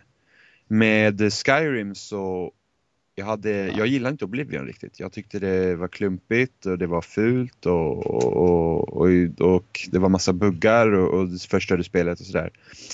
Eh, men sen köpte jag Skyrim och jag älskar Skyrim alltså. Jag, jag kan dock känna hålla med så att det är inte så mycket sidequest du spottar på utan du får ju liksom gå och leta efter. Ja, för i Oblivion var det liksom, det, det känns som att det bara liksom typ, vad jag än råkade göra så fick jag en ny quest liksom. Det, Ja, jo, men det kommer jag också ihåg det jag spelade Ja. Oblivion. Att du, du hade hela tiden din questlog full. Nu är det typ så här, ja men jag har gjort typ med Thieves Guild och dit går jag liksom hämtar quest.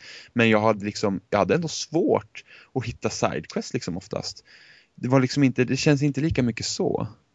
Nej, men jag, jag, jag håller väl, det är liksom jag, jag, jag gillade Oblivion till exempel, det ska jag inte säga att jag gjorde, för jag hade inte lagt 300 timmar på ett spel jag inte tyckte om, då hade jag varit korkad om jag sa att jag inte tyckte om det. Men eh, och jag, jag har spelat en 50 timmar tror jag, Skyrim, och jag gillar det. Jag hade inte spelat 50 timmar och inte gillade det heller. Men jag vet inte, det, den grejen som jag, som jag tycker minst om, det är att på något det, det jag tänker på den olika guild quest linesen. Jag tycker inte att eh, historieberättandet och karaktärsberättandet är lika indragande och lika intressant som vissa karaktärerna i Oblivion var. Och jag vet inte riktigt vad det är, om det bara är att jag spelar på ett annat sätt eller om, om det är liksom... Ja. Ja, Men där, där håller jag helt med. Alltså jag, jag, jag, jag, jag tycker liksom Companions tycker jag var väldigt, väldigt ointressant. ja, det var det. Liksom, det var, det var, det var, nej. Jag vet, jag, jag vet inte om ni har spelat, om någon er har spelat Dark Brotherhood så, jag ska inte avslöja någonting, men det, det är precis som i Oblivion, det är väldigt färgstarka karaktärer för de är som de är. Ja, De är Men- väldigt sjuka i huvudet rent ut sagt. Så de, blir, de, blir lite intressanta för att de är så himla distinkta allihop. Precis. Men, men jag känner ändå inte att i Dark Brother, jag tycker inte att de tar vara på karaktärerna, så jag känner ju inget för karaktärerna. Inget får mig liksom att ver ver- verkligen dras in och bara känna att ah, men jag är liksom här med, med gänget Ja, liksom. och- För att, Om, liksom, om jag jämför med Dark Brotherhood i Oblivion till exempel. Den här, ja, det, det, och, och det, det får jag lov att spoila i antar jag. Eftersom att det har funnits ett tag. ja, Oblivion är det bara att spoila på. ja. Är är så- när, man har, har, har kommit liksom och har hållit på där med i först, första Sanctuary-området där om det är Shadinal eller vad det är med Oshiva och de där. Och jag fick den här purifi, purification-questen och skulle och liksom tvingades att döda allihop. Då var jag ju faktiskt lite sur för jag ville ju, jag gillar ju karaktärerna. För jag hade på något sätt liksom, jag, på, jag tyckte de drog in en mer i karaktärerna, att det blev en varmare, mysigare liksom familjär stämning. Även om det handlade om att ha ihjäl folk så var det ändå att man på något sätt tyckte om dem för de, de uppskattade en som spelkaraktär. Och jag upplevde inte, jag, jag vet inte på något sätt, jag vet inte om det var att eh, questarna blev stressade på något sätt. Och just, det var inte alls lika intressant. Precis, jag kan också jag kan känna att vissa, alltså många quester man gör med olika faktioner, att de, blir, de är för korta. Jag, Ja. jag, liksom, jag får liksom inte känna, jag liksom, ja ah, men nu är jag klar liksom, ja nu fick jag göra det, oj där dog någon, jaha va, varför ska jag bry mig? För att jag vet fan inte vem det där är typ. Så Ja, kände jag när jag spelade igenom alltihop. Det kändes liksom att man hade nästan behövt mer genomgående quests liksom. Och kanske mer dialoger med karaktärerna så att man verkligen får lära känna dem. Ja, Eh, jag, upp, jag upplevde det som att man fick mer förklaringar på var, var folk kom ifrån, liksom lite bakgrundshistoria, lite mer sånt där. Lite mer sånt ingående just i Oblivion när man pratade samma questlines. Ja. Det är så att jag hade kul, det säger jag ingenting om, det var bra, men just det är den lilla aspekten av Skyrim som jag inte tycker om. Nej, Att men det känner jag också. Det, Det, drar inte in mig i storyberättande på samma sätt, även om känslan i spelet är bra. Nej, alltså det finns nästan inga liksom karaktärer som jag liksom bara känner, ja ah, men han var bra liksom. Jag, jag, alla är nästan bara, de finns bara där för en enda orsak. Det är för att ge mig någonting att göra. Ja. Man, Liksom, det är ju roligare att gå ut mitt i skogen och hitta konstiga grejer eller typ gå och leta efter saker själv och ja, men Ja. precis. levla sina skills. Lite det där att, eh, lite det där att de finns bara för att ge, en, ge mig någonting att göra. Så tänker jag oundvikligen om alla karaktärer för jag vet att det är ett jävla spel. Jo, jo, men alltså det är liksom bara att de, det är liksom inte så här att, ja men den här karaktären bryr jag mig om, den här karaktären tycker jag om. Utan det är liksom att, jaha, ge mig quest, typ. Ja. Liksom, det blir inte att du fäster dig vid någon. Det är inte som att, men om vi nu ska ta till exempel, vi kan ta hela Gears-universumet. Där har jag liksom fäst mig vid karaktärerna. Även fast det inte är världens bästa historieberättare. Men liksom, jag vet vilka det är. Och nu har vi haft i och för sig haft tre spel att följa dem. Men eh, det blir ju liksom ändå inte det här liksom att jag eh, i, i Skyrim jag tänker, ja men den där karaktären, han gillar jag och han får inte dö liksom. Utan det är liksom bara, ja men de är bara där. Liksom. Eller, eller GTA, GTA är ett bättre exempel. Där till exempel, där finns det jättebra färgstarka karaktärer. Nu säger inte jag att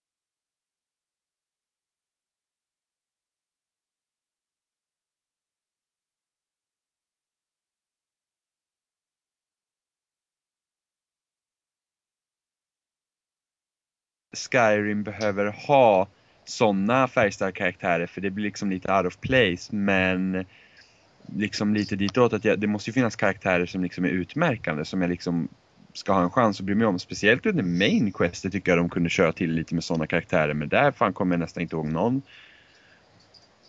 Men Questen ly- ly- lyckades ju med precis samma sak som Oblivion gjorde, att vara helt ointressant. Ja Enligt fast det var ju ändå, vi slapp Oblivion Gates. Ja, ta tack, tack. Och, Ja. och bock. Åh, fy. Ja verkligen. Det var... Alltså, Ja. Jag har inte spelat hela Oblivion så att jag vet inte riktigt. Jag har liksom inte så mycket att jämföra med. Alltså, i och för sig. Jag, jag spelar inte alls mycket rollspel. Jag har spelat jag har spelat Mass Effect-spelen. Mass Effect 2 har spelat galet mycket och där känner jag ju, nu när ni säger det, att där har man ju karaktärer man bryr sig om. På ett helt annat sätt. Ja. Eh, Men ifall någon skulle liksom komma till mig i eh, Mass Effect 2 och säga att ja, du måste döda någon i din crew, liksom, då hade jag ju blivit helt hjärtekrossad verkligen. det hade jag inte blivit i Skyrim. Nej men precis, jag känner liksom, i Skyrim är nog det enda spel jag känner så här bara, ja men jag kan vara elak för att det, det gör inte så mycket. Nej. Nej. Ja, det var Skyrim då. Och nummer ett är eh, i min lilla topp tre-lista då. Portal 2 såklart. Oh yeah. Yeah.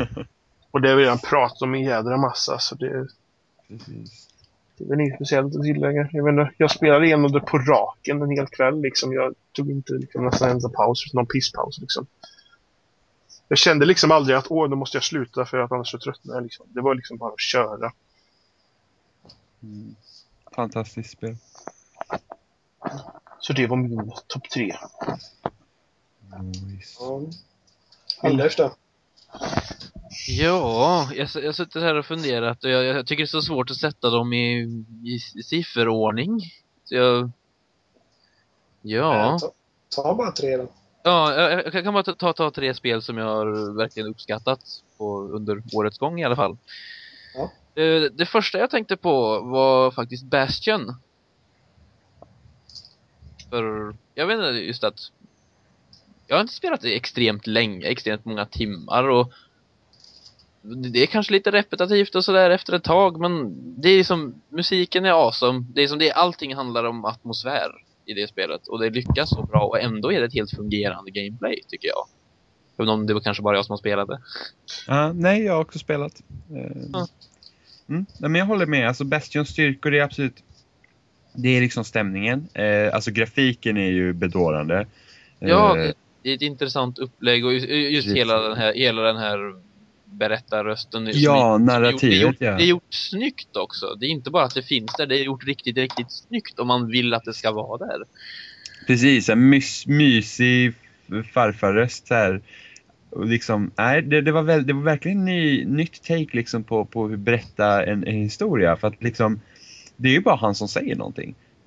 Ja, Han berättar precis allt som händer. Alltså det, det, det är nog ett av de st- st- bästa minnen jag nästan har från, från uh, spelen förra året. Det, var, det är faktiskt Bastion. Alltså det är början, första gången man faller ner och dör. Och han bara, han typ, eh, det är precis i början och så säger gubben, han typ, ja han ger sig ut på hans nya äventyr. Och så ramlar jag ner och dog och han bara, and he fell and died. Och så bara, I'm just kidding. Och så kommer han upp igen och liksom, eh, det, var, det var bara så himla, det var så himla bra. ja, även det är och just, just att, ja, som sagt, det är, det är just atmosfäriskt på ett väldigt, väldigt bra sätt. Och just att Mm. det, det var många olika vapen att välja på så man kunde spela på lite olika sätt. Ja, Det var liksom att man valde en, ett, två stycken och så att man kunde uppgradera dem och hit och dit. Jag, jag, inte, jag gillade. Och sen just det här faktumet att det är just att det räknas som ett indiespel så det är väldigt billigt också. precis. Så, så om man tänker liksom upplevelse kontra pengar man betalar för det tycker jag det absolut är värt det. Verkligen. Alltså, grymt Så det- bra. det- det. Var ett som, som även om som sagt jag har spelat kanske åtta timmar eller någonting som absolut mest. Men det satte sig väldigt, det satte sig i minnet på ett bra sätt. Ja, det är minnesvärt spel. Eh, ett annat spel och jag, jag blev väldigt förtjust i Gears 3. Ja. Ja, det är. Jag vet inte riktigt vad man ska säga om det. Det är liksom, det är, det är ju som Gears, Gears 1 och Gears 2. Med fortsättning på storyn. Och jag ville ju verkligen veta vad som hände, så det var väl bara att jag är ett Gears-fan och tyckte det var kul. Det, Mm. Vi har ju pratat eh, rätt mycket om Gears eh, förut i programmet. Ja, och jag, Eh, så vad jag och Jimmy tycker om det, det vet eh, lyssnaren. ja, det, Ja. Jag, jag, jag älskar Gears of War 3. Det är verkligen... Det, jag, tror, jag, jag tror jag satte det på min eh, tredje plats på årets spel faktiskt. Eh, när jag skrev min lista på loading. Eh, Mm. Eller, jag har inte publicerat den än, men jag ska. Eh, Och nej, spoiler. ja, precis. Spoilers Eh, ja, fy fan. Nej, men alltså det, det är verkligen ett helt fantastiskt spel i vad det är för någonting. Om man, liksom, man ska liksom inte gräva för, efter underliggande meningar och meningen med livet. Och, nej, men det, Så det, är- det, det är i ditt ansikte och det gör det bra. Ja, alltså det, det är verkligen in your face action liksom. Och det, det är sinnessjukt bra gjort verkligen. Och eh, jag, ty jag tycker att Gears of War 3 har årets bästa multiplayer. Jag, jag, jag, jag tyckte inte det i oktober när Battlefield släpptes, men ju mer tid jag spenderar med Battlefield och ju mer tid jag spenderar med Gears, desto mer inser jag att jag har roligare med Gears, även om, även om Gears inte alls är lika lättillgängligt som Battlefield. Battlefield kan man liksom sätta sig med typ, där man tar något annat för sig och bara hoppa in och döda några noobs liksom. Gears har mycket högre inlärningskurva. Mm. Men eh, jag, liksom, jag försökte tänka på det eh, när jag funderade över vad årets multiplayer är. Då var det mellan de två. Så tänkte jag liksom Gears of War 3 är mycket mer tillfredsställande i sina mest tillfredsställande stunder än vad Battlefield 3 är i sina mest tillfredsställande stunder. Eh, för mig. Ja men där måste jag hålla med. För att vinner du en svår match på, på Gears of War 3 då vet du att du verkligen har gjort något jävligt bra för att Ja, alltså det, är, helt- det händer sådana sinnessjuka grejer. Det är, liksom, det är liksom inte som i andra spel att oj, nu tog jag för mycket skada. Nu ramlar jag ner på marken. Kan någon komma och reviva mig? Utan dör du här, då blir du liksom köttfärs. Ja. rött moln av kött och blod liksom. Det, ja, ja. Jag älskar verkligen Gears 3. Så det Ja. och det är liksom med co-op för fyra spelare i kampanjen. Alltså att, att inte fler satsar på mer liksom Alltså bra co-op, det fattar jag inte alls. För Ja, det, det, det är just det, det, är- det ju det är ju så skönt att, det, är det ju ända från även ettan och tvåan är väl bara att man kan spela två i co-op, men det är ju bra det är mer som co-op. mm, Men, Ja. men, det- men jag, jag gillar just det där faktumet att om man spelar, Halo är också kul att spela co-op, det säger jag inte, det är det absolut. Men det är fortfarande att då, då är det en dubbel huvudkaraktär och det är sådär, men just att i Gears har ja precis. att, att man får spela, ja i ettan och tvåan är väl oftast att man spelar som dam. Ja, Och sen antar jag att det är lite olika, för det är ju olika, olika karaktärer man följer i olika situationer genom trean i alla fall mer. mm, Som he- hela inledningen är ju för, först på båten och sen, sen på bron liksom parallellt med båten. Så, ja. så det, är, det är snyggt Jag gjort. tycker, jag tycker det är lite synd att de inte utnyttjar det för att alltså, jag tyckte det var galet häftigt att de gjorde den liksom lite mer parallella berättelsen vid sidan av. Ja, Eh, först, första akten där, man, man är på den här båten, man behöver hjälp och så går man tillbaka lite i tiden så följer man de andra killarna och sen visar sig att de liksom eh, träffas senare liksom och sen fortsätter det därifrån och sen gör de inte mer av det resten av spelet. Jag tycker det är lite synd. Ja det, det var väldigt snyggt för man, man kände ju igen det här över, över komradion hela tiden och visste ungefär vad som hände på båten då. Så det var ju, det hade varit Ja. snyggt. Så jag har gjort det fler gånger eller liknande grejer. Det var, var väldigt snyggt gjort i storyberättande. Ja, för när man är i första skåden där så liksom anropar man den andra, de andra killarna och så säger man någonting. Jag behöver hjälp här, de kommer hit och hit. Mm. Och sen eh, någon timme senare när man är på, hos de andra killarna så hör man det över radion. Då liksom ser man liksom vad som händer framför sig. Liksom. Ja. Och det är snyggt gjort.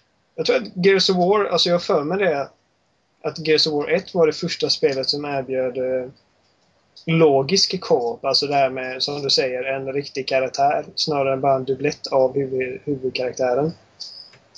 Det är fullt möjligt. Jag tror, jag tror jag läste det i den boken man fick med Ja. i eh, Epic Edition. Precis. Och den här, det här liksom cover-mekaniken och det här, de, de har verkligen finslipat detta till eh, perfektion i det här spelet. Det är så underbart när man tänker på det att det är ju en väldigt enkel mekanik i grund och botten men de har ändå lyckats göra det så kul. Mm. Gears of War, alltså det är liksom, det är inte världens mest komplicerade spel fast det är galet finslipat. Det, det, det är väl därför det är så, det är så kul att liksom plocka upp och spela även om man Även om liksom, jag spelar co-op med en kompis liksom, det går att lära en som jag hade en kompis över för ett tag sedan som aldrig hade liksom, spelat överhuvudtaget. Mm. Det, var, det är ju inte svårt att komma in i liksom. Nej. Ja, precis. Nej, men, till exempel min syrra som, alltså hon brukar inte spela sådana spel, alltså hon typ hon typ ja, Medal of Honor, vi skjuter japaner, det tycker hon är jävligt kul. Och så tog jag fram Gears of War, jag bara, men här är ett spel så vi kan liksom skjuta så här. Hon bara, ja, men är det monster som tycker inte jag är kul? Jag bara, nej men vi, vi kör, det är jävligt roligt. Och hon var så, oh my god, och det känns så jävla bra att skjuta. Så hon var helt lyrisk över det och hon tycker inte, inte om liksom så här orealistiska spel. Så visade mig bara, liksom, det är jävligt bra, hela den serien är helt kanon alltså. Ja, men det är det verkligen. Alltså, de har verkligen fått till en perfekt känsla i vapen och tyngd och sådana grejer. Det är, liksom, det är tillfredsställande att bara skjuta med vapnen i det spelet. Ja. Ja. Eh, det är ja, galet bra spel. Jag känner ofta det bara att jag vill, jag, jag vill bara hoppa in och bara liksom ha ihjäl folk med min shotgun liksom. Det, Ja. Ja. Jag ska ta, det tredje också då. Jag känner att jag var Mm. tvungen att nämna Witcher 2. ja, berätta mer. För jag, jag, jag, är inte, jag är ingen PC-spelare så, för jag har ingen bra PC. Men jag är galet sugen på det spelet. Ja, det är ju... Det är ju...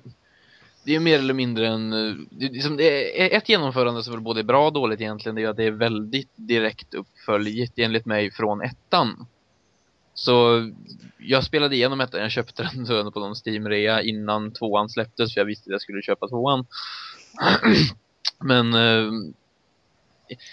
Eh, jag, jag, kan, jag kan förstå om folk som aldrig har spelat ettan kanske hade lite svårt att förstå vissa grejer då, karaktärer och grejer just i tvåan. Men det går ju att läsa på om det mesta i journaler och sånt där med. Men det, det är ja, det är ju ett, det är ett ganska vanligt, eh, vad ska man säga, ganska vanligt RPG-spel. Det är ju, det är ju egentligen karaktärerna som gör det för mig, för det är enligt mig väldigt färgstarka karaktärer. Och just det är väl ofta att man får välja en av två sidor av hur man löser en, hur man löser en konflikt.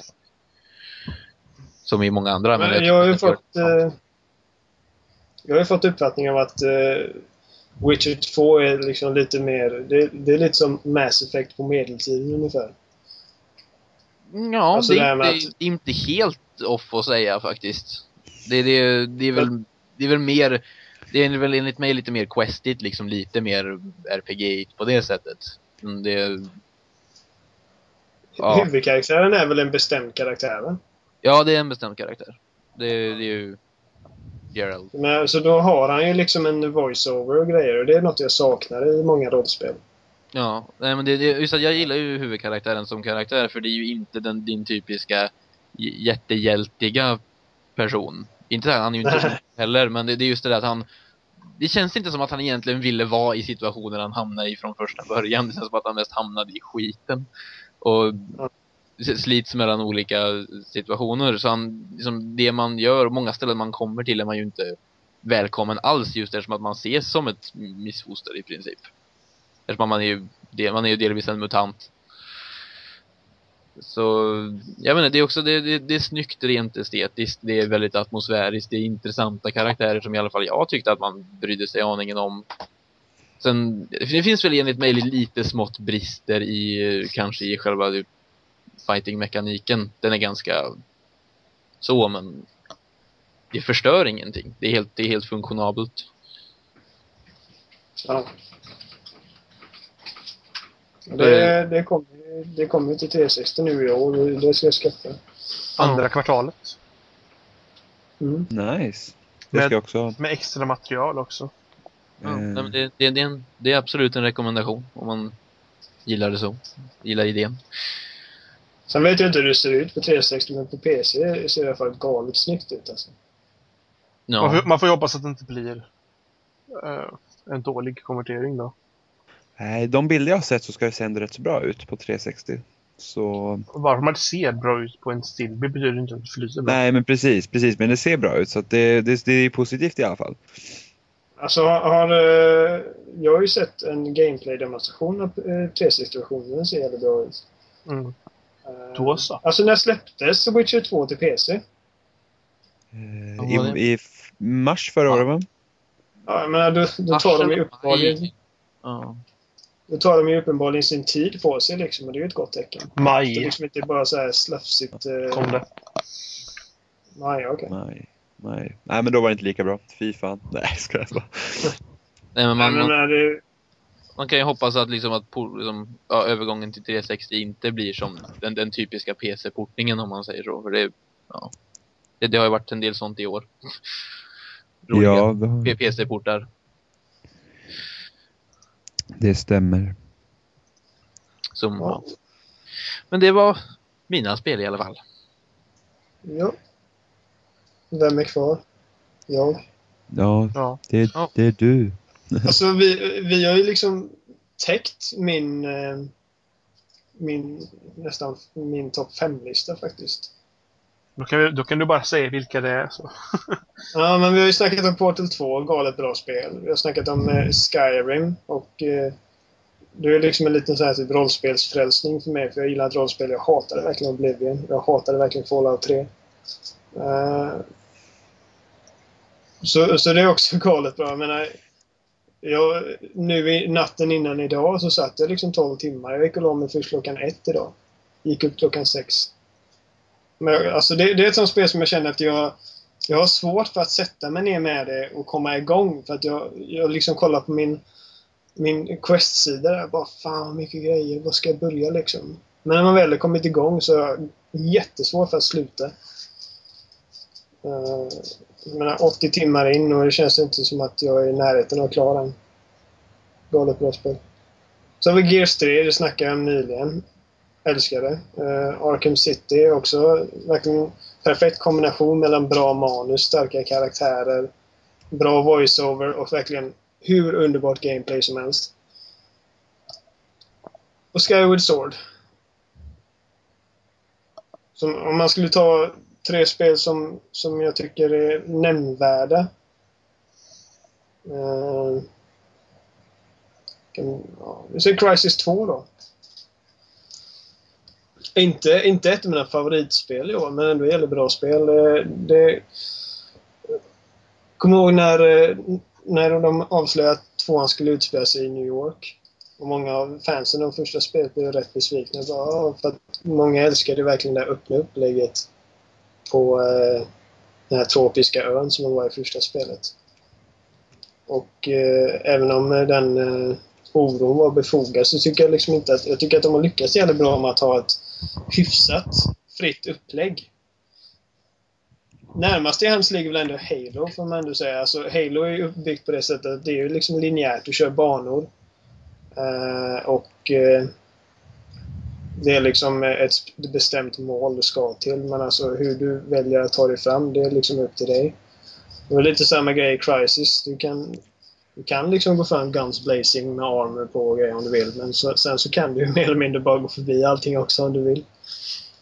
Ja, det, det, det är väldigt skönt just när just att kombon av alla, alla grejerna man har både i stundvis både är nödvändig och väldigt användbart och väldigt underhållande just i Crisis 2. Ja, precis. Just för man, man, man, man känner sig ju rätt as om man liksom slänger på den här armorn och hoppar ner från en hög höjd knäpper några stycken, blir osynlig, springer och gömmer sig, liksom flankar dem. Håller på liksom, är väldigt jobbig mot dem i största allmänhet. Liksom, och, ja, verkligen. Och sen, sen, sen, sen liksom, går, går, går långsamt ut från det här typ, stora torget där alla bara ligger kvar och man liksom, yeah. Det, det, ja. det är en väldigt badass feeling över det på ett roligt sätt och det, det är faktiskt jag, jag gillar just att det blir mer om man kontrar från ettan just det där att det är mer, eh, vad ska man säga, hotkeys till allting på ett annat sätt. Mm. Och just att du faktiskt måste aktivera armor-delen själv och att den inte står som standard. Jag tycker det var bra. Det jag var... tycker att uh, Crisis 2 är ett bättre spel överlag än vad ettan är. Uh... Det, det, är mer det är mer ja, mer, mer high pace liksom. Det, det händer mm. mer på ett bra sätt. Det känns som att man använder jag, jag upplevde det som att i ettan stora delar av spelet, i alla fall när man går inom djungeln, och man pratar just soldatdelarna. Den enda egentligen, du, för enligt mig, du använder nästan aldrig den här styrkedelen. Enligt mig. Och, och, och jag kände liksom att det enda som riktigt var användbart, det var kloken. För du klokade, plockade ett par, klokade, plockade ett par. Och oavsett hur, hur öppet och stort det var, det blev lite enformigt. Ja, i ettan var ju så Armor var ju med en grej som last resort liksom ifall din plan fuckar upp sig. Ja. Så att, ja. Jag, menar, jag tycker att spelupplägget passar mig mycket bättre som spelare i tvåan än vad det gjorde i ettan. Och sen så känner jag att liksom även om eh, hur snyggt den här eh, tropiska ön var gjord så tycker jag att liksom, det erbjuder inte så mycket i miljövariation. Sen så i och för sig när allting fryser till is då, då blir det ju lite så Alltså, alltså isgrejen är ju inte en, det är ju verkligen inte ett långt inslag heller. Nej. Och så, sen, sen måste jag säga att personligen tycker jag att det här inne i, inne i själva utomjordingsgrottan eller vad man ska säga, jag hatar den delen. Jag tycker ja. den är så urbota, tråkigt och dåligt designat. Tjena vad jag var vilse där liksom. Det, det, det, är liksom, det, är lite som att hoppa, jag kände det, det är samma magkänsla jag fick som först, liksom när man spelade typ library till första Halo. Det är liksom... Uh, ja, eller hur? Oh. Låt det ta slut, låt det ta slut. Jag vill göra någonting annat. Library of the horror. Fy fan. Nej, men det, ja. Nej, så jag tycker ettan har en del skavanker och jag tycker att de är bra. De är, de är liksom mindre skavanker i tvåan än vad det är i ettan. Ja, så jag tycker det, att... eh, Ja, sa du? Är just det, det, det är ju lite kul med typ det här, de här små suit-uppgraderingarna och sådär. Det är ju ingen nödvändighet, men lite roligt bara. Nej, menar, det var många som tyckte att ja, men, eh, nu har du mindre grejer du, du kan eh, aktivera på din armor i tvåan, men alltså det var ju som om- ifall du, skulle, ifall du ville hoppa högt i eh, ettan så var du tvungen att aktivera en eh, armor-modul eller vad det var. Här är du, ju du, du aktiverade power-grejen och nu har de slopat det och bara gjort att det är antingen Ja. att, man, att man täpar eller håller in. Ja, nu håller man bara in hoppknappen. Alltså det är bra mycket mer strömlinjeformat. Och så var du tvungen att ha speed för att sprinta och du, du trycker bara på en sprintknapp helt enkelt. Ja, så, Så så, tar det energi.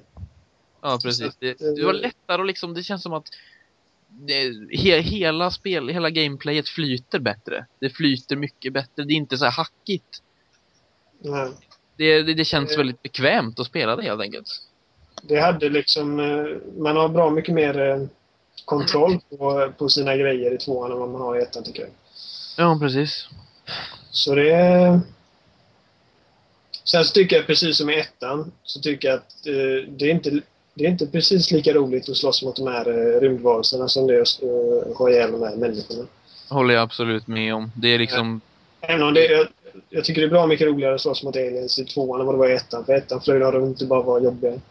Ja det, det var liksom inget, det var antingen de här, det fanns ju två, typ två sorter. De små som man fick skjuta en massa på, eller den stora som man i princip bara kunde plocka ner med granat, eller ja, granatkastare eller raketgevär och vad det Ja. var. Och det, Och- eh, jag, De, här är ju mer men, men, människosize på. Ja, precis. Det, det är inte så mycket större liksom, skillnad på eh, kontrast mellan människor och aliens i tvåan.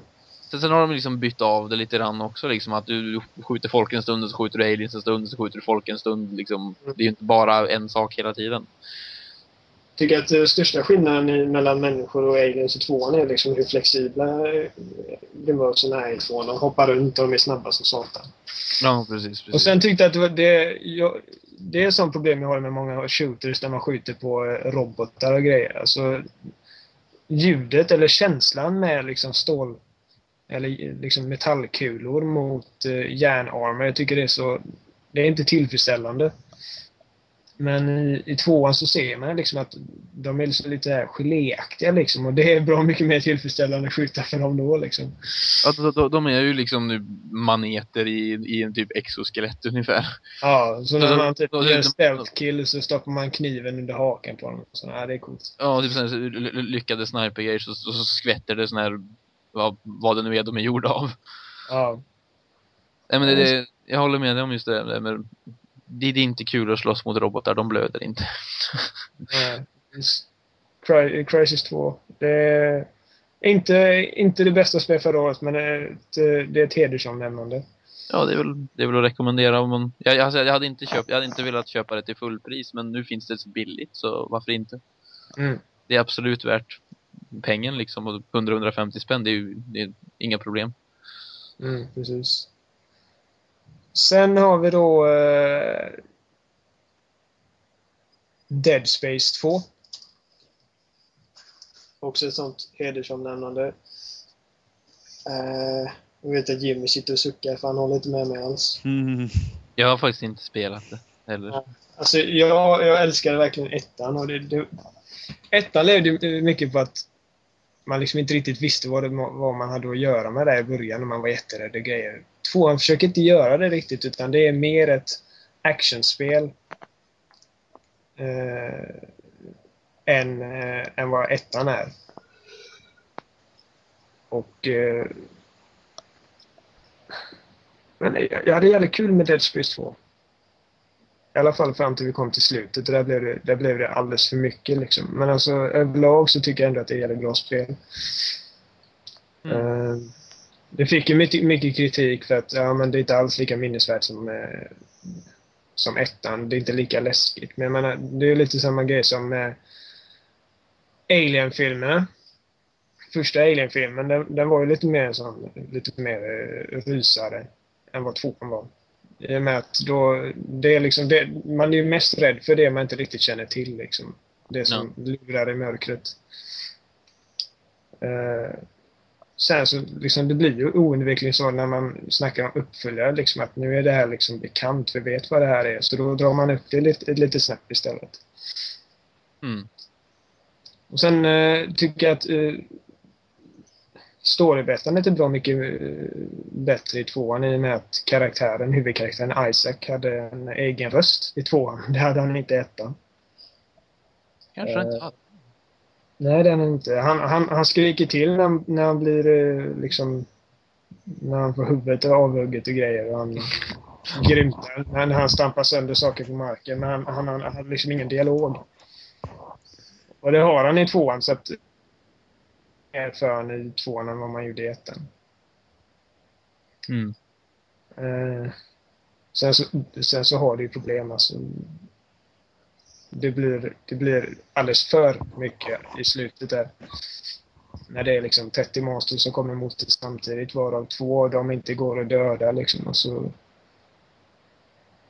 men, men överlag ett eh, spel som är värt att nämna. Och sist då eh, ett spel eh, som, eh, som jag vet att många verkligen älskar. Eh, Uncharted 3. Eh,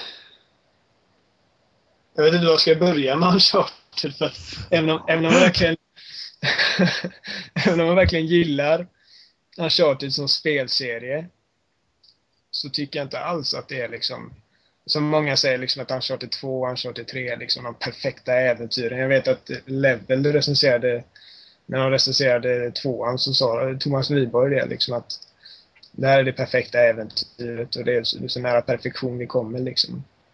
Eh, 10 av 10 och han sa liksom samma grej om trean.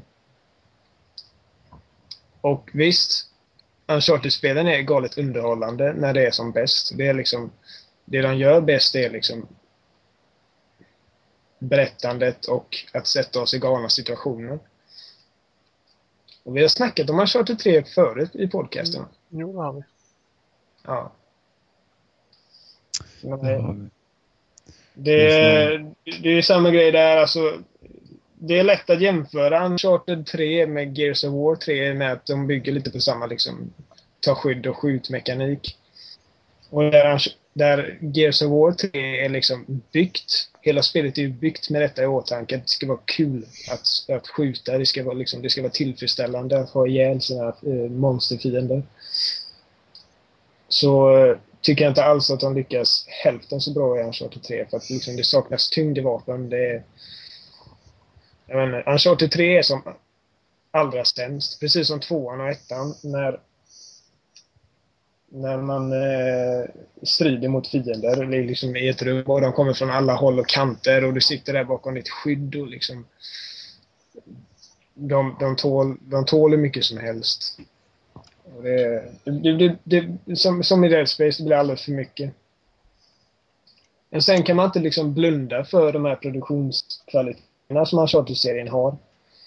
Alltså jag tycker att Naughty Dog är bäst i världen just nu på att berätta en simpel historia i, eh, i tv-spel. De visar verkligen liksom att det handlar inte om vad man gör. För med den här storyn om den här Nathan Drake, det, det har gjorts tusen gånger förut, utan det handlar om hur man gör det. Och eh, det... Jag kan inte riktigt blunda för det som de gör så bra liksom. Nej, det håller jag med om. Alltså jag är ju så här, jag tycker Uncharted-spelen de är bra, men inte så bra som många tycker. Precis som du tycker. Jag, jag känner så här liksom att det, det fokuseras för mycket på striderna. Och det är det jag tycker minst om i spelen. Mm. Men det är så synd liksom att de, de, gör, de grejerna som de gör så bra, de gör det bättre än någon annan just nu. Eh, Ja, Men eh, det är så synd att de fokuserar så lite på deras styrkor. precis. Jag menar, det är som vi sa eh, förut, att om man bara liksom kombinerar den här, den här sjukt bra gameplayet från Gears of War med set pieces och storyberättandet från Uncharted 3. Så har vi liksom kommit farligt nära den här perfektionen som det snackas om i alla recensioner redan. Verkligen. Så att, eh, ja. För att klargöra, det här, det här är inte mina favoritspel. Alla mina favoritspel har de andra redan tagit upp. Men det, det är de som jag känner behöver nämnas åtminstone. Ja. Ja, Precis. det var några spel det. Ja. ja. Ja, och med alla våra favoritlistor från året och nämnvärda spel som Oliver tog upp så får vi nästan avsluta det, det här avsnittet för att ja, klockan tickar och det går väldigt mycket tid så vi kör vad som kommer, alltså 2012 då. Det tar vi nästa avsnitt som vi istället för två, om två veckor så tar vi det nästa vecka. Så då ses vi om en vecka istället. Precis. Ja, Yes. ha det så bra! Det Hej, här.